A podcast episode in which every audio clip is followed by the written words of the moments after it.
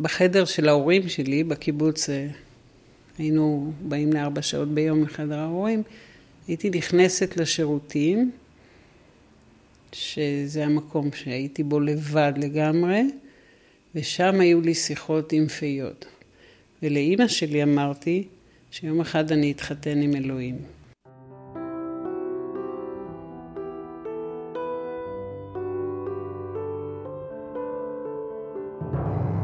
שלום, אני טלי אשר, ואתם על מי רוצה נס, פודקאסט שנועד להכיר לכם מקרוב את החיים לצד התמודדות נפשית.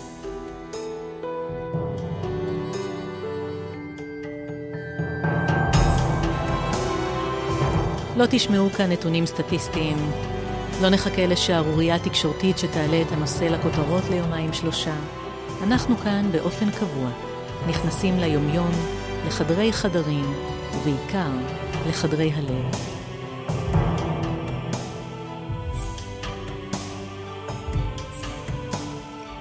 סלעית בשן אמרה לארבעת ילדיה שהיא תמיד תהיה שם בשבילם. אף שחזרה ואמרה להם את זה שוב ושוב, לא ידעה עד כמה ההבטחה הזו תעמוד למבחן. היי סלעית. היי. מה הקשר שלך לעולם ההתמודדויות הנפשיות? הבת שלי עוברת התקף פסיכוטי, ואני ברגע במקום אחר לגמרי. נכנסת בבת אחת לעולם הזה. מתי זה קורה? זה קורה לפני שנתיים, בתקופה מאוד טובה שלה, אחרי הקורונה. היא במהלך הקורונה הייתה בבית שלי. כשהיא בת, בת כמה? היא בת 23. הבת שלי יוצאת מה, מהחשכת הקורונה הראשונית, מהסגר הראשון הקשה, שהיא אה, ממש משקמת את עצמה תוך שבוע. מוצאת דירה במרכז, חוזרת לעבוד בעבודה שלה, אה, מוצאת חברים חדשים והופכת להיות ממש קצת אפילו מרכז של משהו, ומאוד טוב לה. שלושה שבועות אחרי, היא פתאום לא ישנה, אה, בגלל זה היא מעשנת יותר, ורץ שם הרבה מאוד וויד, גראס, בחוץ, ואני רואה שהיא גם לא אוכלת. היא כבר הייתה בתוך פסיכוזה. היא דיברה בלי הפסקה, לא היה שום קשר בינה. עכשיו היא, היא בן אדם נהדר, אישה נהדרת, היא, היא שקטה, היא מסודרת, מאוד עצמאית, מאוד אה, שומרת על העולם שלה. ואז, שום קשר לבת שלי, זאת אומרת, היא דומה לה בצורה החיצונית, כן. אבל מתחיל לקרות משהו בקצב שלא מתאים, קצב מאוד מהיר, עם דיבור לא הגיוני, ו... ואני די, די מיד מבינה שאני מעכשיו, לימים נתתי איזה שם, אני מעכשיו חיה את הרגע. Hmm. לא מה היה, לא מי היא, לא מה יהיה, לא מה משמע, אני עכשיו. עכשיו היא מפחדת, אני עוזרת. עכשיו, היא הייתה צמודה אליי מאוד. המשימה הייתה להשאיר אותה בבית עד שלי לא יהיה כוח. זאת אומרת, כמה שאפשר יותר. להשאיר אותה בבית ולא לאשפז, לכך את מתכוונת. כן, בדיוק. והם מתחילים להפגיז בתרופות, שנראה לי המון, וזה לא עוזר. יש לנו בסלון כוננית, מעל הכוננית ישבו כל מיני אנשים, הבוס שלה בעבודה ואנשים וזה, ודיברו עליה. היה איזה שלב שדיבר, שישבנו בסלון, ואז היא אומרת, אז ביבי לא יהיה ראש ממשלה, אז מי יהיה ראש ממשלה? אני? Mm-hmm. ולאט לאט הזמן עובר, ואני לא ישנה. אם אני כן ישנה, אז אני נכנסת לחדר פתאום ואומרת, אמא, כולם נהרגו. אבא שלה היה קצת סקפטי, הוא גם היה בתמונה. אה, אבל נגיד הוא בא לבקר ולהיות איתה, אז, אה, אז היא ישר חשבה, ואני לקחתי את הזמן בשביל לנשום. אז אה, זה היה נורא קצר, והיא ישר חשבה שאני כבר, שהלכתי להתאבד, או אותה. שכנה שהכירה טוב מאוד את התחום הזה, והיא עזרה לי מאוד למצוא את עצמי במקום הזה ולהנחות אותי. ובשלב הזה אה, גם חברים שלה רצו לעזור, לתמוך בה. והיא אמרה לי, השכנה, היא אמרה לי, תוך שבועיים אף אחד לא יהיה פה. ואני נעלבתי. חשבתי, מה, מה הרוע הזה? ילדה אהובה, אישה אהובה. בתוך שבועיים. כמה היא צדקה. היא uh, הופכת להיות נורא מטרידה. אין, אין שקט שנייה, כל הזמן חשדנית, בוחנת, פרנואידית. אני שואלת רגע על ה... עלייך, על התפקיד שלך, שלמעשה את פותחת חמ"ל. ברגע שאת מבינה שהמשבר הגיע לדרגה חמורה, איך את עובדת על עצמך, איך את יודעת מה נדרש ממך, ואפילו איך את יודעת לנהל את הסיוע עם שלושת בנייך. אחד הדברים הראשונים זה חיביתי את הקול שלי, hmm. אין אני. ואני זוכרת דווקא אה, בהקשר לבנים שלי, כשהלכו לצבא, אמרתי, לא משנה מה קורה, אני פה, ואין כוח חזק ממני. יש כוח על. כש, כשהבת שלי עמדה מולי ומשהו אחר אכלס את הגוף שלה,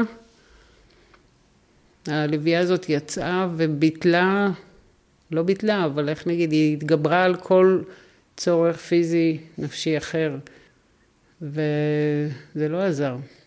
היא הייתה תוקפנית אליי בסוף, המצב שלה נעשה קשה יותר ויותר. בשלב הזה אני אמרתי, אני לא יכולה לקחת אותה לשום מקום. ואבא שלה לקח אותה. היא ידעת שזה הדבר הנכון, פשוט לא היית מסוגלת לעשות אותו, או שהיו לך ספקות האם לאשפז אותה או לא? היה לי כל הזמן ספק, אה, מחשבה שיש עוד משהו שלא ניסיתי. Mm. וככה הציפור הגוזלה שלי נכנסת לתוך אה, אה, מחלקה סגורה. וברגע הזה שאביה לוקח אותה, כי את לא מסוגלת לבצע את האקט הזה, ואת בבית, מה את מרגישה? נורא, חוסר אונים, בקושי. עכשיו, תראי את הבנים המדהימים שלי, שהם כאלה לא... ורבליים במיוחד, או מביעי רגש, שיכולים להיות קשוחים. הם דאגו שאחד יחזור להיות איתי, ואחד הולך לשם, ולשלוח לי מה קורה. אני שומעת שאימא לביאה שאומרת, ילדים, אני כאן בשבילכם בדברים הטובים ובדברים הכי גרועים, יש לי את החוסן לעמוד בזה, עכשיו הם שומרים על אימא. כן. אני ידעתי שהכוח שלי זה ביטוי הרגש, והאמירה שמה שיבוא אני אתמודד. וזה עבד באיזה אופן, כאילו החזיק אותי כמתמודדת ב... עמדת בזה. כן, והיא אושפזה, ואיכשהו הגעתי, וראיתי את העולם הזה, ועוד היו לי המון כוחות, mm. וחשבתי, זה לא יכול להיות שהורים באים פעם ראשונה, היא אושפזה במחלקה לאשפוז ראשון. לא יכול להיות שהורים באים ואין אף אחד שיגיד להם מה הולך להיות, מה קורה, מה חלקכם, מה תפקידכם. זאת אומרת, אני חייבת לעשות משהו, הלכתי למנהל מחלקה, אני צריכה, זה, זה, זה עבר לי. בעצם זו סיטואציה מאוד נמוכה, קשה, מאמללת עבור הורה, להגיע לבקר את בנו או בתו במחלקה סגורה אחרי פרידה של הרבה זמן, זה גם היה בתקופת הקורונה, כמו שאת מתארת. ובתוך המקום הזה, להגיע לריק. אף אחד שם לא מושיט לך יד, לא מסביר פנים, לא מתאר מה עומד לקרות. לא מלווה אותך במבוך הזה שאת נכנסת לתוכו, שהוא קודר. מאוד. כאילו, גם שם עוד היה לי את המחשבה שהלוויה הזאת חיה איפשהו, ותעזור לי להפוך עולמות, לא, באמת, לא ידעתי מכלום. אני זוכרת שלקחתי, הבאתי מחברת וציירנו ביחד. וראיתי שלמשל יכולת הכתיבה נעלמה לה. אה, הציורים היו כלום, ויש לה ידיים, יש לה, יש לה איזו יצירתיות, אה, אסתטיקה. כאילו איזו דלות מסוימת? מה... כאילו מחובי המוח. Mm-hmm. אין מוח. Mm-hmm. ואנחנו מציירות, מדברות, והכל כזה כבר מתחיל להיות לי קשה לבוא, וקשה למשוך את הזמן, ואני כבר לא רוצה לבוא. אין לי כוח. אני, כאילו, אני כל הזמן אומרת, אין לי כוח, אין לי כוח, אין לי כוח. אבל האין לי כוח הזה מאחוריו, זה אומר, אה, הלוויה הזאת גוססת לאט לאט. לאט לאט התחלתי לגלות שאני מאבדת יכולות. למשל? אני חצי, חצי ממני במקום אחר. כל הזמן. כן, נמצא איפשהו, אבל זה לא איפשהו מוגדר, זה לא שאני כל הזמן חושבת עליה, אני כל הזמן, כאילו, יש לי זרועות וחלק מהן עסוקות שם, אני לא במאה אחוז כאן. והשיחות של אחרים הם, הם אה, לא, עם אחרים הם, והם נהדרים, אני אוהבת את כולם.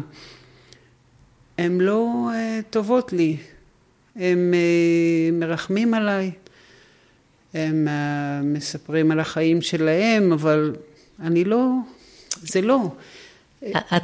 את בכוכב לכת אחר. כן, לגמרי. אבל אני זוכרת שכן הייתי מוקפת, כאילו הרגשתי אסירת תודה על זה שיש אנשים שאני חשובה להם ושהם איתי. כן. אז היא יוצאת מהאשפוז ומצאה דירה בחיפה ועברה לגור שם, ואחרי כמה זמן עוד פעם חברים ועבודה ממש טובה, וככה היא חצי שנה. באמצע היה עוד משהו שגמר עליי לגמרי, זה שאח שלי נפטר.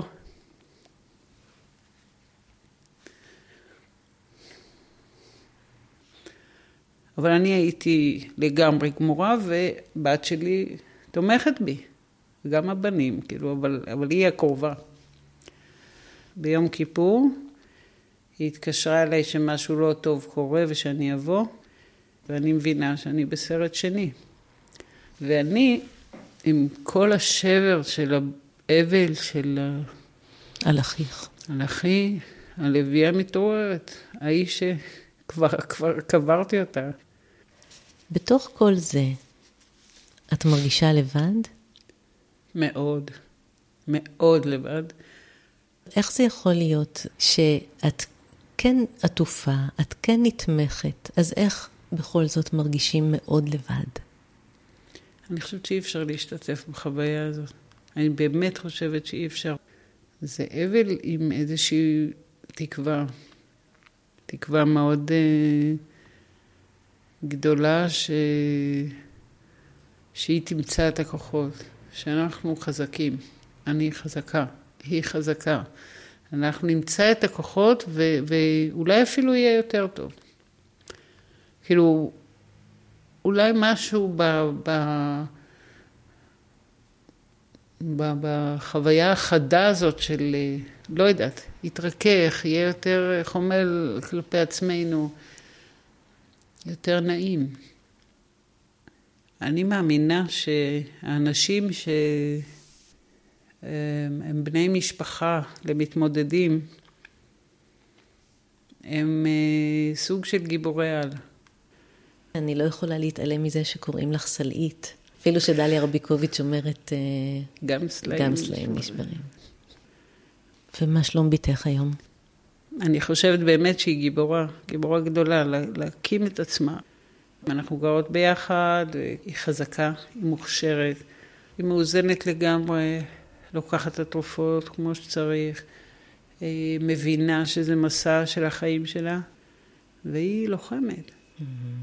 מעניין ממי היא למדה את זה. סלעית, איזה נס יש בחיים שלך? הילדים שלי הם uh, סוג של נס, הנכדות שלי הם נס כפול. אני מוקפת באנשים ובכוחות שמשגיחים עליי.